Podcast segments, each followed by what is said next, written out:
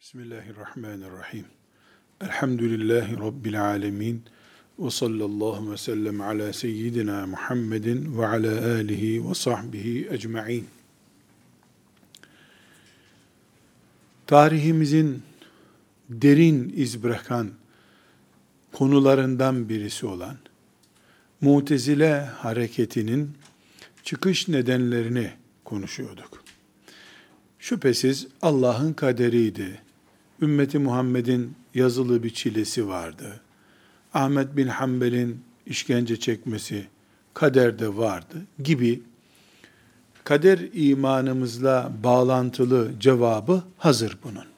Ama bir de sosyolojik açıdan veya din psikolojisi açısından tahlil edilebilecek sebepler de var ortada.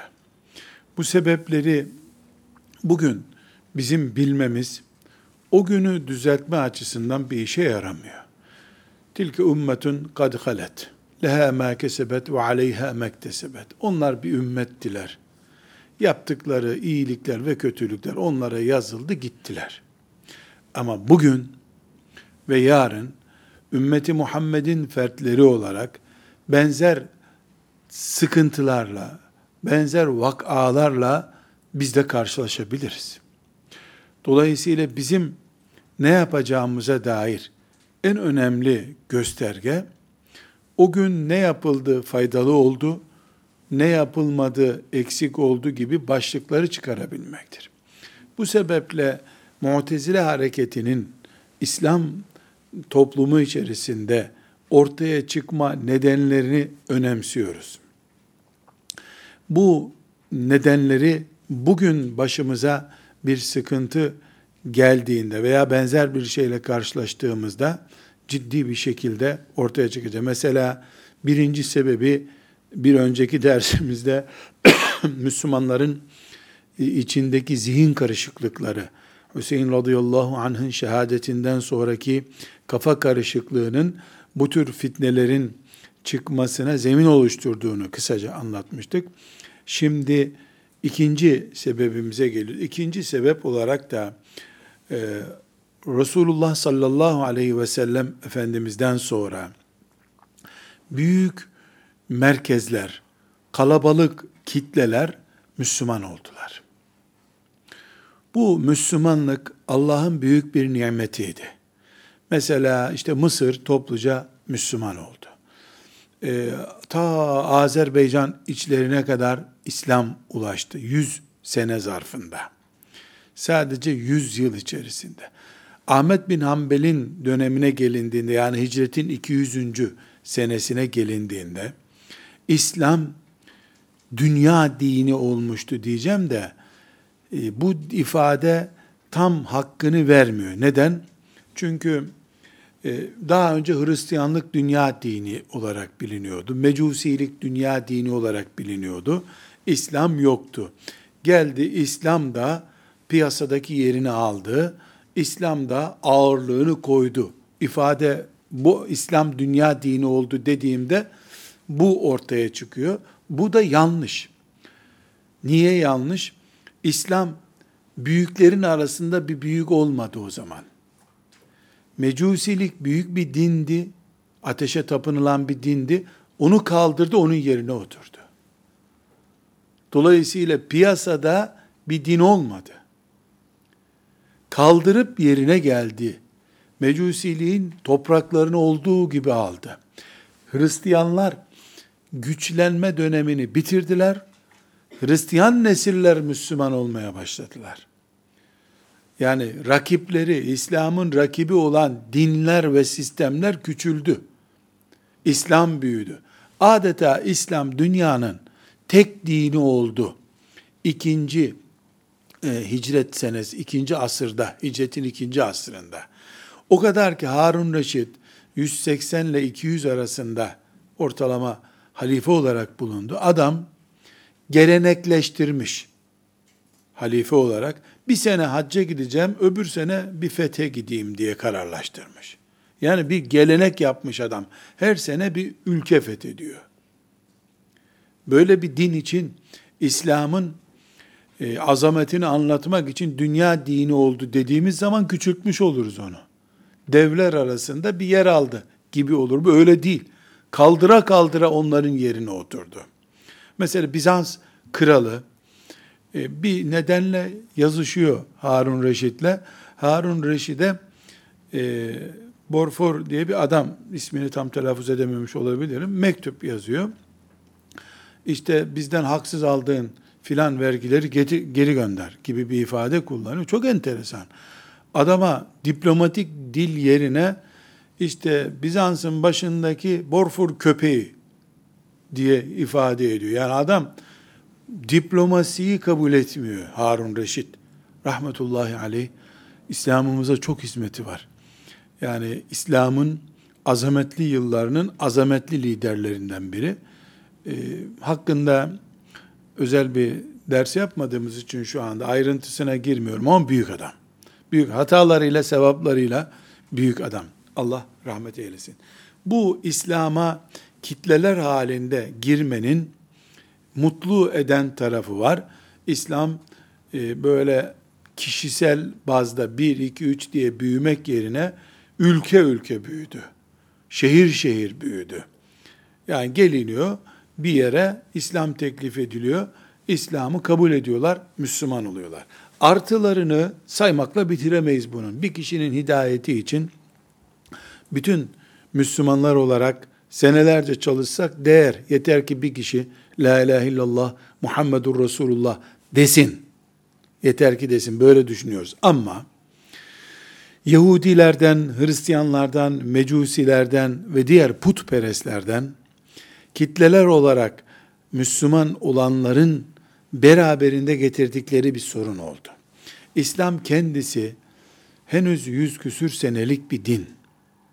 Henüz eğitim kurumları, e, siyasi sistemleri, vatandaşları birebir kontrol edebilecek, parazitlere müdahale edebilecek oturmuş bir devlet mekanizması yok.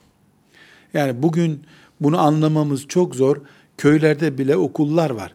5 yaşından itibaren çocuklar okullara gidiyor. Ama bundan 1300 sene önce insanlar ne okul tanıyorlar, ne bir devletin işte nüfus kağıdı verip adım adım takip ettiği bir sistem var. Geliyor, diyelim ki işte İran Mecusiliği e, Sa'd bin Ebi Vakkas radıyallahu anh bitirdikten sonra topluca Müslüman oluyorlar. Bu gelenler La ilahe illallah Muhammedur Resulullah dediği için Müslüman oldu, kabul ediliyor. Müslümanlığın siz özümseyip özümsemediğinize dair bir testini yapacağız üzerinizde diye bir kural yok. Adam Müslüman.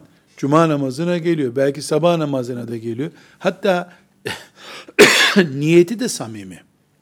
Niyetini de yani sen şüpheli Müslümansın diye, diyememiz de mümkün değil. Onun da kalbinde bir sorun yok. Ama mesela bir mecusi İranlı bir insan Müslüman olduğunda yaklaşık 3000 yıllık bir gelenek olan mecusiliği bırakarak geldiğini söylüyor. Bu mecusiliği din olarak bıraktığında bir sorun yok. Sen mecusiliği bırakmadın desek münafık demiş oluruz ona. Bunu demeye herhangi bir yetkimiz yok Müslüman olarak. Kimsenin, halifenin de yok. Bizim de şimdi tarihte böyle bir yetkimiz yok. Ama bu adam bu mecusiliği hayat tarzı olarak yaşıyordu. Hristiyan hayat tarzı olarak yaşıyordu. Evet İsa Allah'ın oğludur diyordu haşa. Müslüman olunca tövbe tövbe onu nasıl söylemişim? Nasıl söylemişim ya bunu? Bunu söylememeliydim diyor. Bundan ferahat ediyor. Bakınız bu çok önemli. Bu adam hala İsa Allah'ın oğludur diyor, inanıyor dersek adamı gavurlukla itham etmiş oluruz. Adam da kökten bunu bırakmış. Ulan Allah'ın oğlu olur mu? Tövbe estağfurullah. Kim bilir ne kadar üzülmüştür. Fakat bir sorun daha var. Bu adam İsa Allah'ın oğludur diye inanıyordu. Bundan tövbe etti. İman etti çünkü. Muhammedun Resulullah dedi. Muhammedun Resulullah diyen biri de Muhammed Allah'ın oğludur diyemeyeceği için haşa. Bu bitti. Fakat bu adam 25 aralığı filanca bilmem ne yortusu tortusu diye kutluyordu. Hristiyanlıktan kaynaklanan babasının ölümünün 52. gününde bir tören yapıyordu. Bir yemek veriyordu. İslam'a geldiğinde bu adama İsa Allah'ın oğludur dersen Müslüman olamazsın dendi. O da tövbeler olsun böyle bir şey olur mu ya? Papazlar bizi aldattı dedi. Temelde de bu adamın dönerken bu sapık inançtan, teslis inancından dönmesi gerekiyordu. Döndü. Fakat adamın 25 Aralık'ta kutladığı bir şey var. Babasının ölümünün 52. gecesinde, yıl dönümünde bilmem ne diye bir töreni var adamın. Bu törenle yani kim hangi kabileden geliyor, hangi törenle geliyor diye bir uğraşma yapılmadı adamla. Dolayısıyla bu İslam'a gelirken İsa Allah'ın oğludur sözünü getirmedi. Onu orada bıraktı zaten. Ama babasının ölüm yıl dönümünde 52. gecesinde filanca törendeki uygulamalarıyla hem o günkü İslam toplumunun uğraşmaya vakti yok hem de bunlar birinci derecede konular değil. Ama bu adam Bağdat'a yerleşirken bilmem ne ölüm yıl dönümünü, bilmem ne kutlamalarını da getirdi. Baktı ki Bağdat'ta bunlara yer yok. İslam'la bunlar barışır bir nokta bulundu. İşte senin peygamberinin doğum günü kutlanıyordu. Burada da bir doğum gününe benzer bir şey çıksın. Ses çıkarılmadı. Bu bizim de lehimize gelebilir düşündü Müslümanlar. Bunun bin sene sonra dinden daha değerli, cihattan daha değerli hale geleceği varsayılamadı. Sayı, bu düşünülemezdi de zaten. Bunu düşünmek de mümkün değildi. Mesela bugün bir hidrellez uygulaması vardır. Devlet adamları bile gidip bir yerde ateş yakıp belli bir günde onun üzerinden atlıyorlar. Bu nedir? Mecusilikten gelen Müslüman neslin ateşe tapınmıyoruz. Tövbe estağfurullah. Tövbe estağfurullah. Ulan akıllılıkmış bizimki. Ateşe nasıl tapınıyoruz biz ya? Bunu düşünmüşler. Çünkü bu bariz bir sorun. Zaten ateşe tapınacaksan niye Müslüman oldun? Deneceği için bunu uygulamamış. Ama yılda bir gün toprağa bilmem ne düştü, cemre düştü vesaire gibi bir sebeple ormandan 50-60 tane ağaç getirip bunları yakıp kadın, kız, erkek bunun üzerinden atlamanın ne ilgisi var? Bu tapınma değil ki. Bu toprağın baharını kutlama dendi. Ona ses çıkarılmadı, buna ses çıkarılmadı. 5 sene, 10 sene, 20 sene, 30 sene. Hicretin ikinci asrının sonuna gelindiğinde bakıldı ki İslam'a mal edilmiş ama Medine'nin Müslümanlığında olmayan bir yığın kültür çıktı ortaya. Bir yığın kültür çıktı. Öbür taraftan da felsefi akımlarda etki ediyor. Bunlar bu bahsettiğimiz e, dışarıdan ithal edilmiş, önce sakıncasız zannedilen, sonra bir kısmının afete dönüştüğü sakıncalı uygulamalar, yani Medine'deki o mübarek hayatın bir takım şaibeli e, uygulamalarla irdelenmesi neticede İslam toplumunda, ezanlı bir toplumda Kur'an mahluk mudur değil midir diye bir felsefenin 30 seneye yakın tartışılmasını normal hale getirdi. Neden? Çünkü aynı toplum Hristiyanların, Yahudilerin e, ve Mecusilerin, putperestlerin, çünkü putperestlik diyarından da Müslüman olup gelenler var. Bunlar Bağdat'ta adeta mozaik bir toplum oluşturdular. Ezanlar Bağdat'ın sembolü. Halife Bağdat'ın sahibi. Cihatlar yapılıyor ama aile içindeki İslam'ı içinden kemirecek kültüre müdahale edilemiyor. Ailen, aile içine, eve kamera mı koyacaksın? O günkü şartlarla neyi kontrol edeceksin zaten? Kontrol edilemiyor. İnsanlar tek tek eğitimi alınamıyor. Eğitim denen şey ne? Camilerde e, herhangi bir hoca efendi ders yapıyor. İşinden gücünden vakit bulanlar gidip orada dinliyorlar. Çok özel talebeler hadis derslerine katılıyor. Ahmet bin Hanbel'in hadis dersleri var. Ona da alimler ya da alim olacak insanlar da. Avamın eğitimi yok. Bu avam eğitimi ta Osmanlı'nın sonlarına kadar bir eksiklik olarak kaldı zaten. alim yetiştirildi. Alim yetiştirilmesi için büyük medreseler kuruldu. Ama kitleler üzerinde bir eğitim hem imkanı yoktu hem projelendirecek fırsat bulamadı İslam devletleri. Endülüs alim e, dükkanı gibi yani seçip seçip alim alıyorsun o hale geldi ama kitlelerin İslam eğitimi, akide eğitimi o alimlerle bağlantılarına terk edildi. Dolayısıyla köyde 100-200 hanelik bir köyde eğer bir alim gidiyorsa ondan din iman öğrendiler. Yoksa ilk öğrendikleri Müslümanla kalıverdiler onlar orada. Bu da dışarıdan mikrop geldiğinde bağışıklık sistemi adeta güçlü olmadığı için bir İslam birikimi olarak, Kur'an birikimi olarak, hadis birikimi olarak, akide fıkıh birikimi olarak güçlü değilse eğer dışarıdan gelen ilk fitne hemen yer buldu. Onun için biz hala tabi'in neslinden talebelik yapmış insanların bulunduğu bir toplumda Kur'an mahluktur ifadesi nasıl hemen yer bulabildi sorusunu bu şekilde izah etmek zorunda kalıyoruz. Demek ki birinci sebep mutezilenin çıkış nedeninin birincisi e, İslam milletinin zihnindeki kargaşalık Hüseyin radıyallahu anh'ın şehadetinden sonraki bir savrulmuşluk diyebileceğimiz şey.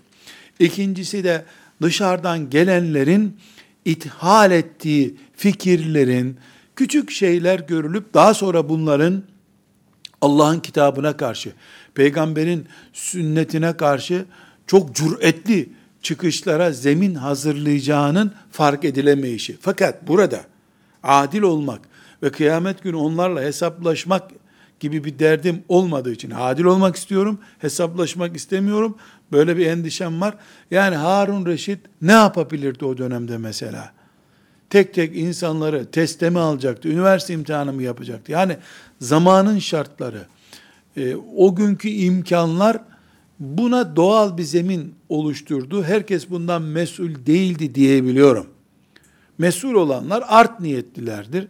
Bu akıntıya kapılıp gidenlerdir. Ayrı bir konu ama o günkü toplumu kınamak için bunları söylemiyorum. Gerçeği, mevcut pozisyonu, kuş bakışı e, böyle görebiliyoruz diye bunları söylüyorum. Üçüncü neden, Harun Reşit 200. senede vefat etti. Yani ikinci asrın sonunda Harun Reşit vefat etti. Harun Reşit vefat etmeden önce Emin ve Me'mun isimli iki oğlunu, Muhammed Me'mun bir tanesi, e, ümmeti Muhammed'e dayattı.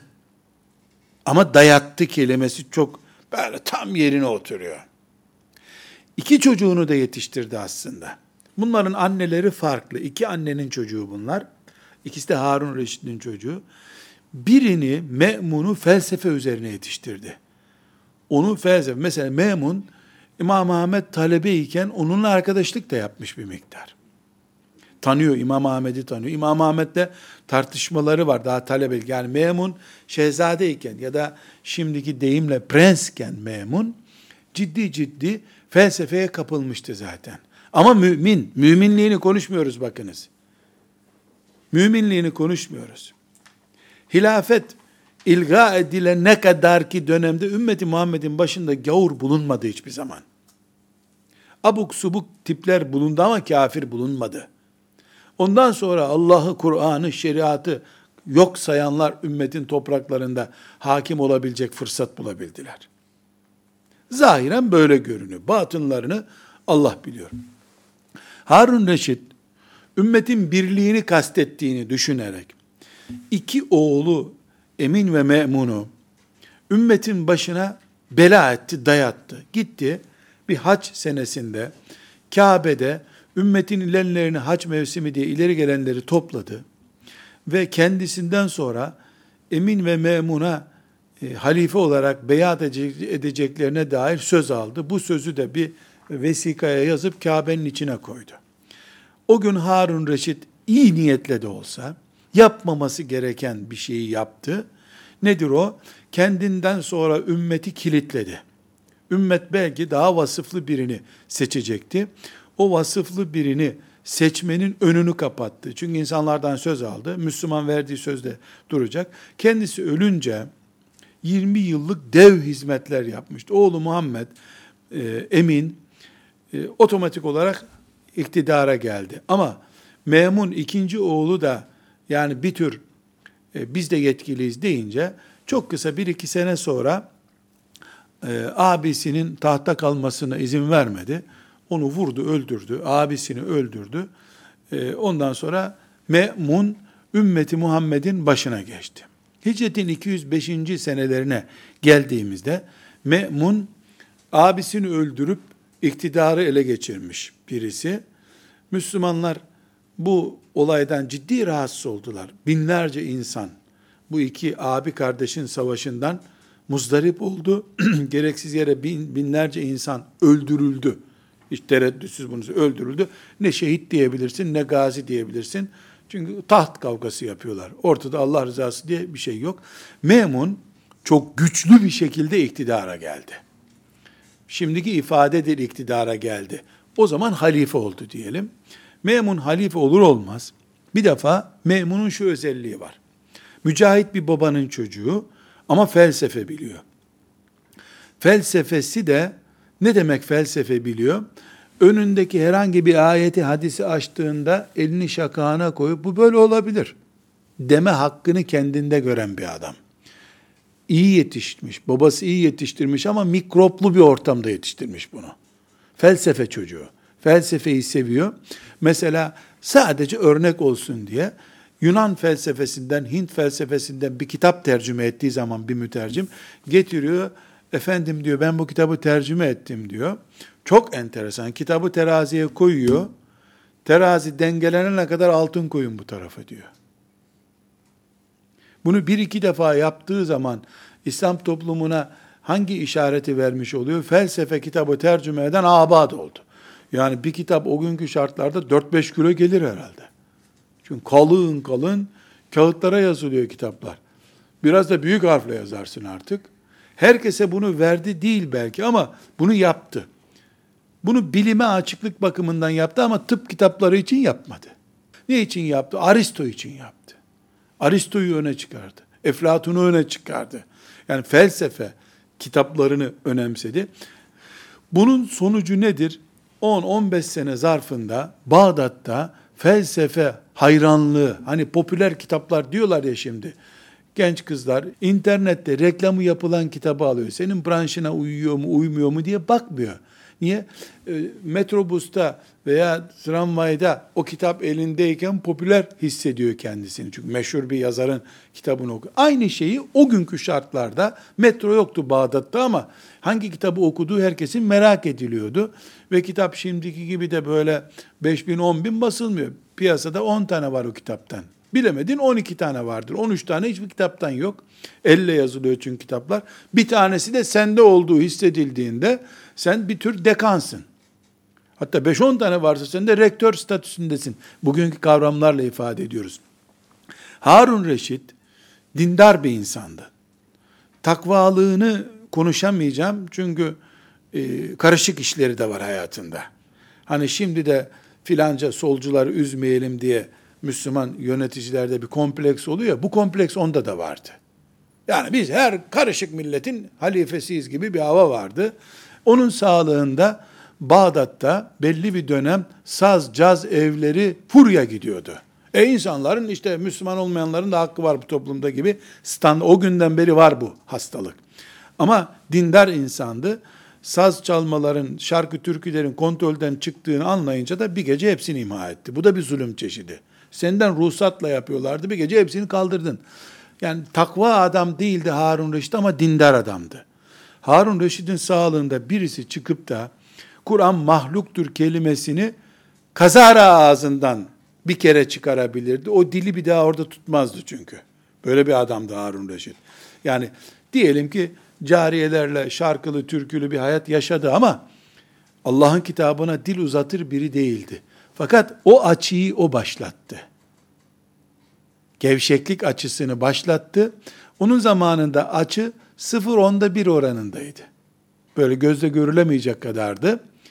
Ama oğlu Memun döneminde 10 sene sonra bu açı 70 dereceye çıktı. Onun abisi Mu'tasim döneminde 100 dereceye çıktı. Memun resmen Mutezile ekolünü devlet olarak sahiplendi. Yani Mutezile fitnesine şöyle örnek vereyim. Hani şimdi Kur'an bize yeter. Bu uyduruk hadislerle uğraşmayalım diye bir ekol var ya. Şöyle bir ekol, ilahiyat fakültelerinde var, dışarıda var. İlahiyatlar böyledir manasına demiyorum. Orada büyümeye çalışıyorlar, orada kök salmaya çalışıyorlar.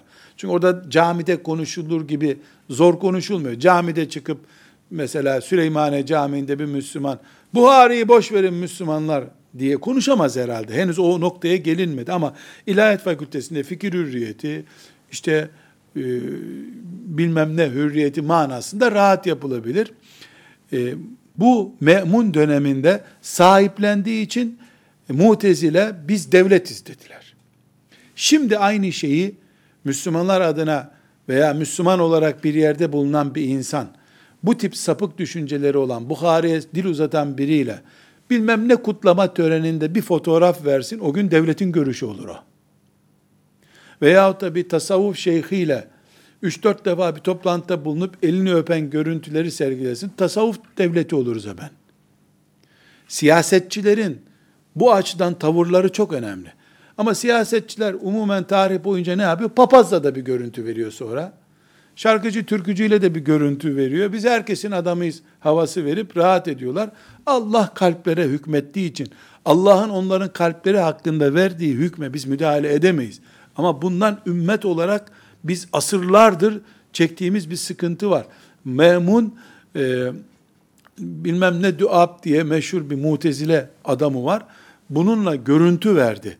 Bu görüntüye sonra kendi de mahkum oldu. Bir defa onu çağırdı toplantısında nedir ya sizin ekolünüz dedi. Şudur. E, ondan sonra 2-3 toplantıdan sonra memun sizi ben e, hiçbir şekilde sevmiyorum, desteklemiyorum dese bile işe yaramadı. Diyemez bunu zaten. Anında etrafı kuşatıldı. Memun, Müslüman bir adamın çocuğu, kendisi de Müslüman. Mesela bu bahsettiğim memun arkadaşlar, zannetmeyesiniz şarapçı biri. Zannetmeyesiniz bu memun böyle vurduğu, kestiği zalim bir değil ya. Müslüman adam. Namazlı bir adam. Hafız bir adam. Kur'an ezber biliyor. Hadisleri biliyor. Ama ölmek için illa hasta olmak gerekmiyor. Ecelin geldi mi ölüyorsun. Bu da bir kere bu mikroba tutundu. Ee, Ahmet bin Hanbel'i kırbaçlatmak için zincirleyip getirdiği bir günde hiç beklemediği bir zamanda öldü bu sefer. Ahmet bin Hanbel'i kırba, e, kırbaçlatacaktı. E, zincirleyin bana getirin dedi. Ahmet bin Hanbel'i fil zincirler gibi zincirlediler. Buna götürürken Yolda haber geldi ki Memun öldü. Memun ölünce kurtulacağız zannedilirken kardeşi Mu'tasim'e geçti hilafet. Mu'tasim dikkat edin cahiliye müşriklerinin yaptığını yaptı. Abimin çizgisinden ferahat edemem dedi. Bir de bu Mu'tasim mücahit bir adam. Kaliteli bir mücahit adam ama ömrü cihatla geçmiş abisinin ekolünü din haline getirdi. Çağırdı mutezilerinin başını. Siz benim abimin danışmanları mısınız dedi. Evet. Kalıyorsunuz. Görevinize devam edin. ihmal etmeyin. O zaman Ahmet bin Hanbel'in kırbaçlanması yarım kaldı. Dediler ona. E, tamamlayın kırbaçlamayı dedi. Ahmet bin Hanbel'in işkence yılları başladı. İsimleri sayıyoruz. Abbasi devletini Mutezile devleti haline getiren daha sonra bundan ferahat edildi konuşacağız. Birincisi memundur. İkincisi muhtesimdir. Muhtesim de çok yaşamadı. Ahmet bin Hanbel'in bedduası filan değil. Öyle ben yani Allah dostu bir adama kırbaç vurunca ölmek söz konusu olsaydı Ebu Cehil Efendimiz'e dil uzattığı gün parçaları bulunmazdı bu dünyada. Onun da eceli geldiğinde öldü. Onun bu sefer vasıka, ondan vasık ee, yine aynı Abbasilerin çocukları bunlar. Vasık'a intikal etti. Vasık döneminde Ahmet bin Hanbel aynı işkenceleri görmese de mutezilelik devam etti. Vasık da ölünce Bu bahsettiğim süre yaklaşık 30 seneden söz ediyorum ama öldü öldü derken böyle peş peşe bir haftada ölmediler. Mütevekkile geldi. Mütevekkille beraber İslam devleti eski sistemine döndü. Mütevekkil Ahmet bin Hanbel'i çağırdı. Bu abilerimin ve babamın yaptığı işkenceden ben ferahat ediyorum, tövbe ediyorum. Bu bir cahillikti, Allah affetsin dedi. Mutezileden, Mutezile şimdiki diyanet diyelim, ilahiyatlar diyelim. Bugünkü kavram, o gün yok bunlar. Bunların tamamını üst kademede işgal etmiş kadrolar. Bu kadroların tamamını görevden aldı. Hepsine yolsuzluk soruşturmaları yaptı. Allah mütevekkile rahmet etsin. Ahmet bin Hanbel'i e, ciddi bir şekilde destekledi ama yeniden Ahmet bin Hanbel'in medrese kurmasına da izin vermedi. Cemaatlerle savaş devam ediyor hala çünkü. Sadece işkenceyi yasakladı. İşkence kalktı ama e, ne Mutezile'ye ne de Ahmet bin Hanbel'e hadi sen şimdi eski açığı kapat da demedi. Bir kere devlet ürktü çünkü. Bu Ahmet bin Hanbel Resulullah sallallahu aleyhi ve sellemin sünnetini yaşatma savaşı veriyor. Mutezile de sünnete gerek yok biz bu İslam'ı idare ederiz mantığının savaşını yapıyor. Bu bundan e, Bağdat ürktü. Bu ürkmenin sonucu çok e, ciddi bir şekilde mütevekkilin tedbirli olmasına sebep oldu. Netice olarak e, Ahmet bin Hanbel mütevekkil döneminde rahat etti. E, talebeleri gizli gizli gelip ondan ders okumaya devam ettiler. Her halükarda birinci sebep ne dedik? Zihin karışıklığı şeytan için mümbit bir arazi oluşturdu. Dışarıdan gelenler fikirlerini getirdi, bir zihin karışıklığını takviye oldu. Üçüncüsü de İslam devleti, e, ümmeti Muhammed'de Resulullah'tan başka bir şeyin tarafı olmaması gerektiği halde, e, devlet olarak Abbasiler, üç güçlü halife döneminde, bunların siyasi güçleri çok yüksek, mutezileliği benimsediler, sahiplendiler. Kendileri mutezile olmasa bile, mutezile olmasa bile, neticede buna rıza gösterdikleri için, devletin mezhebi gibi oldu ve bu fırtınalar, bu bahsettiğimiz riskler ortaya çıktı. Burada biz e, dördüncü bir sebep olarak şunu daha önce birinci maddede temas etmiştim. Adil konuşmamız gerekiyor. Mutezile, Kur'an-ı Kerim'e mahluktur derken, ashab-ı kirama e, dil uzatırken, sırf e, bu teorileri desteklensin diye. Hadisi şeriflerin bir kısmını bu hadislere gerek yok. Aklım bunu almıyor. Ne demek bu? diye yok kabul ederken arkadaşlar, sekülerist veya işte bir batılı düşünceden etkilenmiş biri olarak bunu yapmadılar. Ne yazık ki bunu da daha şirin bir İslam, daha kolay anlaşılır bir İslam ortaya çıkaralım diye yaptılar. Yani işin özünde hizmet var. Biz de hizmet ediyoruz dinimize diye çıktılar. Bu da yalan değil. Gerçekten böyle çıktılar ama kullandıkları sistem, kullandıkları ölçüler Medine eksenli olmadığı için sonunda uçuruma yuvarlandılar. Başlarken iyi başladılar fakat Ebu Hureyre radıyallahu anh'ı yok kabul ettikleri bir mantıkla yola çıktıkları için, Abdullah İbni Mesud kadar biz de anlarız bu işten dedikleri için gittikleri yer, neuzu billah, ümmeti de götürdükleri cehennem çukuru oldu. Allah'tan ki çok uzun yıllar yaşamadılar. Hicretin 5. asrından sonra tarihe gömülüp gittiler ama daha sonra e, aradan işte 1200 sene geçtikten sonra şeytan o toprağın altında kalmış tohumlardan yeniden mutezile hareketini çıkardı. Dördüncü sebep de budur. İyi niyetle başladılar. İyi niyetle başladıkları için de kimse bunlara karşı cihat ilan etmedi. Allah için çalışıyor adamlar. Vasıl bin Ata mesela Allah için çalışan bir adam gibi görüldü ki öyleydi de. Beşinci olarak da e, çok önemli bir felsefe, nokta bu.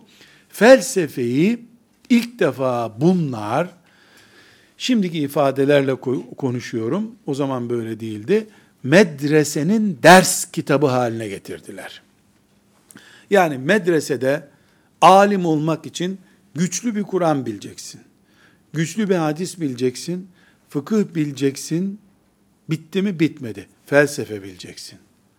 Felsefe okumakla Bakara suresini okumayı eşitlendirdiler. Bizim kıyamet koparmamız gereken de budur zaten. Felsefenin ilahiyat fakültesinde okunması gereksizdir demiyorum.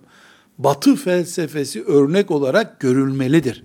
İblis kimi nasıl kandırdı?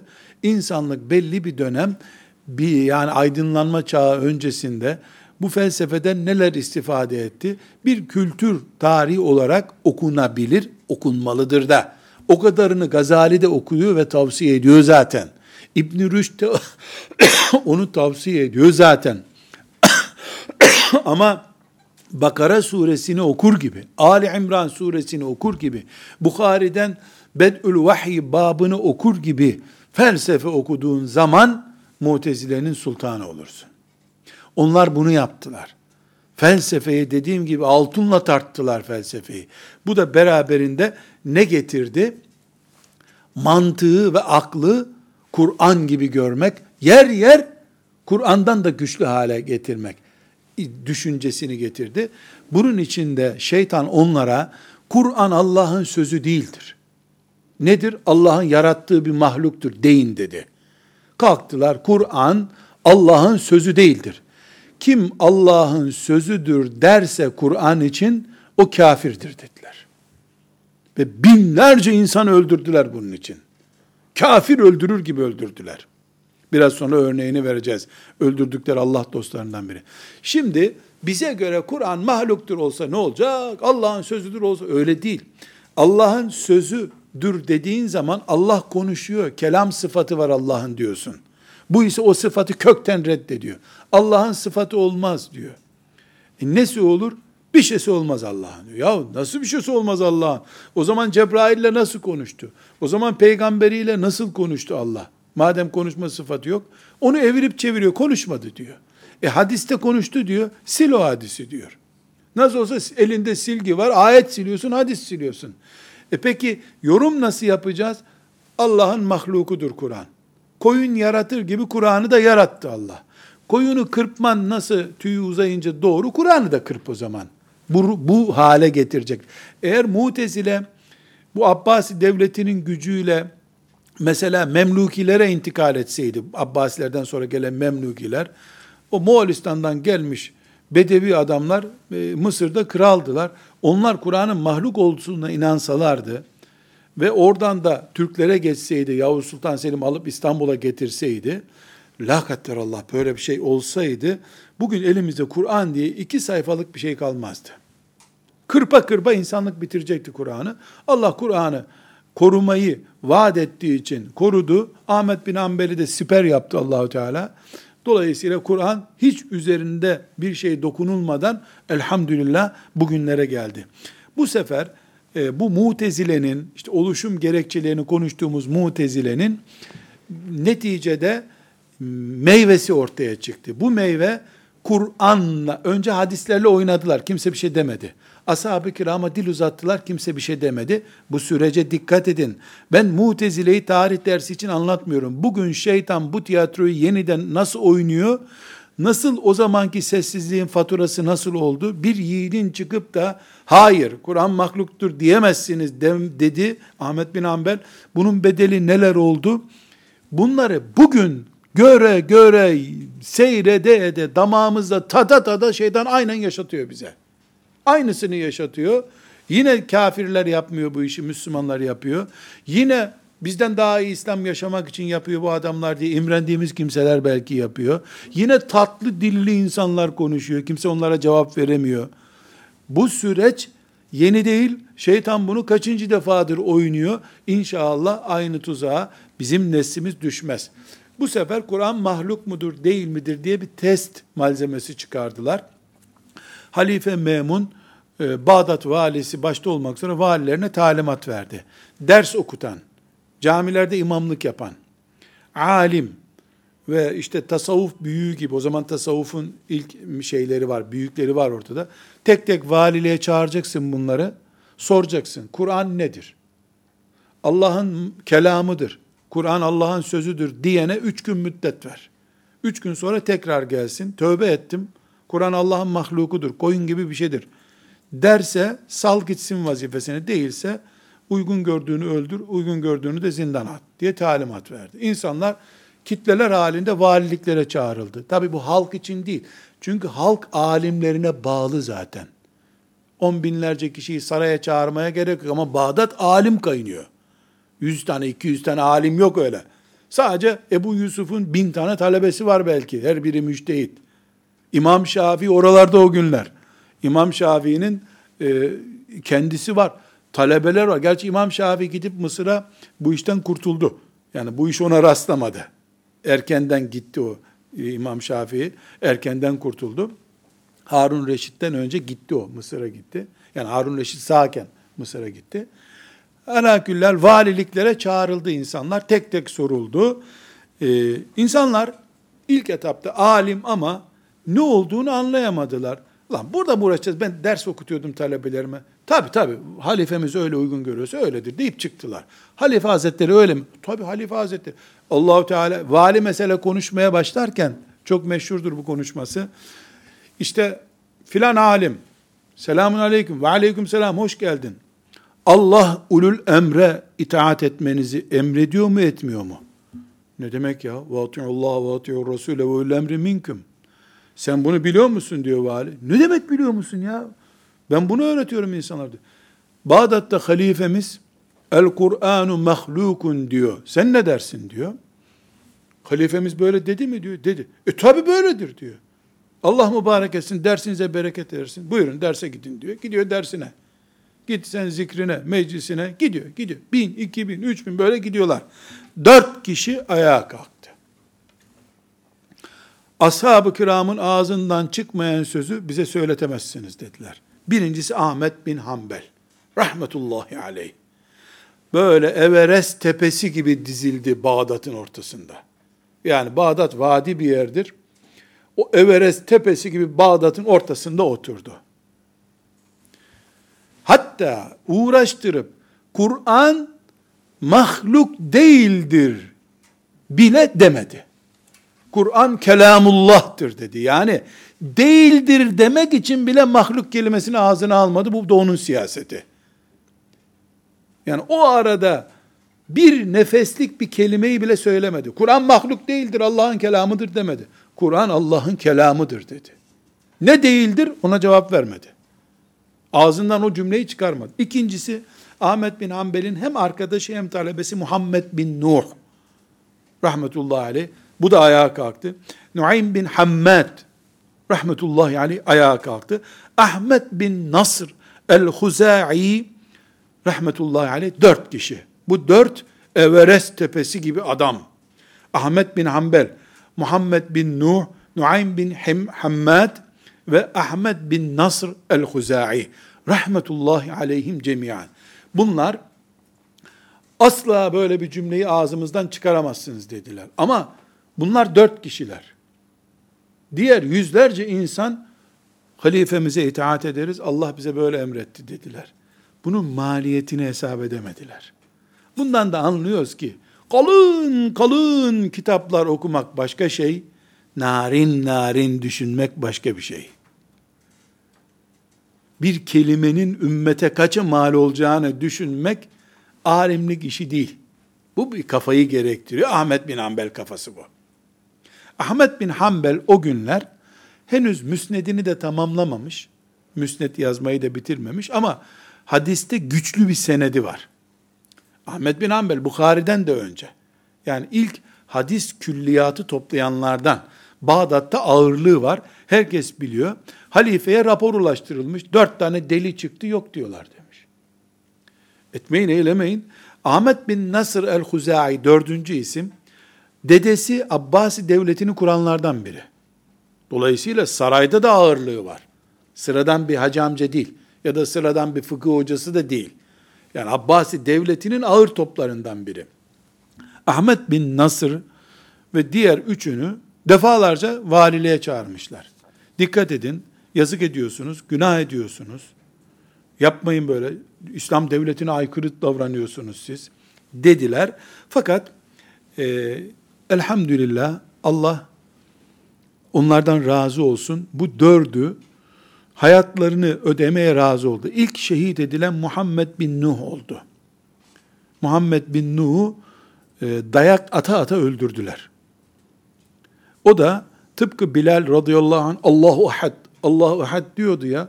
El Kur'anu kelamullah, el Kur'anu kelamullah, el Kur'anu kelamullah diyerek öldü. Kur'an'ın ilk şehidi, Kur'an'a feda edilmiş ilk kurban Muhammed bin Nuh'tur.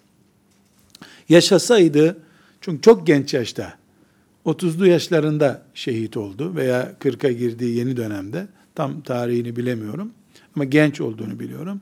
Yaşasaydı ikinci Ahmet bin Hanbel olacaktı. Beraber çalışıyorlardı o müsnet ortamını oluşturmak için. Ama Kur'an'a kurban oldu gitti. Rahmetullahi aleyh. Belki yaşasa bu kadar tarihimize mal olmayacaktı. Belki bu kadar ecir kazanamayacaktı. Gitti. Nuaym bin Hammad aynı şekilde dik durdu. Ahmet bin Hanbel durdu. Fakat iki isim Abbasi devletini ciddi rahatsız etti. Bu iki ismin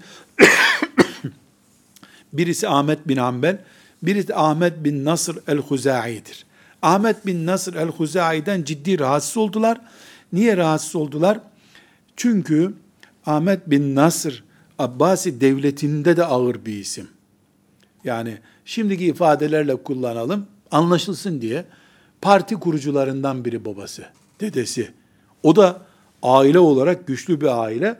Devlet olarak sen bir görüş benimsiyorsun. O görüşe senin kurucularından biri karşı çıkıyor. Onlar için büyük bir fitne bu. Ahmet bin Nasır el-Huze, Ahmet bin Hanbel'i defalarca konuştuğumuz için Ahmet bin Hanbel, e, kısaca onu da özetleyelim şefaatine nail olmak için kıyamet günü. Ahmet bin Hanbel'i Muhtesim çağırıyor. E, Ahmet son görüşün nedir diyor. Kur'an mahluk mudur? Kelamullah'tır diyor. Allah'ın sözüdür diyor. Mahluk değildir mi diyorsun diyor. Kelamullah'tır diyor. Yok mahluk değildir demek istiyorsun. Bir mahluk kelimesi ağzından çıkartmaya çalışıyor. Kur'an Allah'ın sözüdür diyor. Allah'ın sözüdür. Başka hiçbir şey bilmiyorum diyor. Onu e, kırbaçlıyorlar.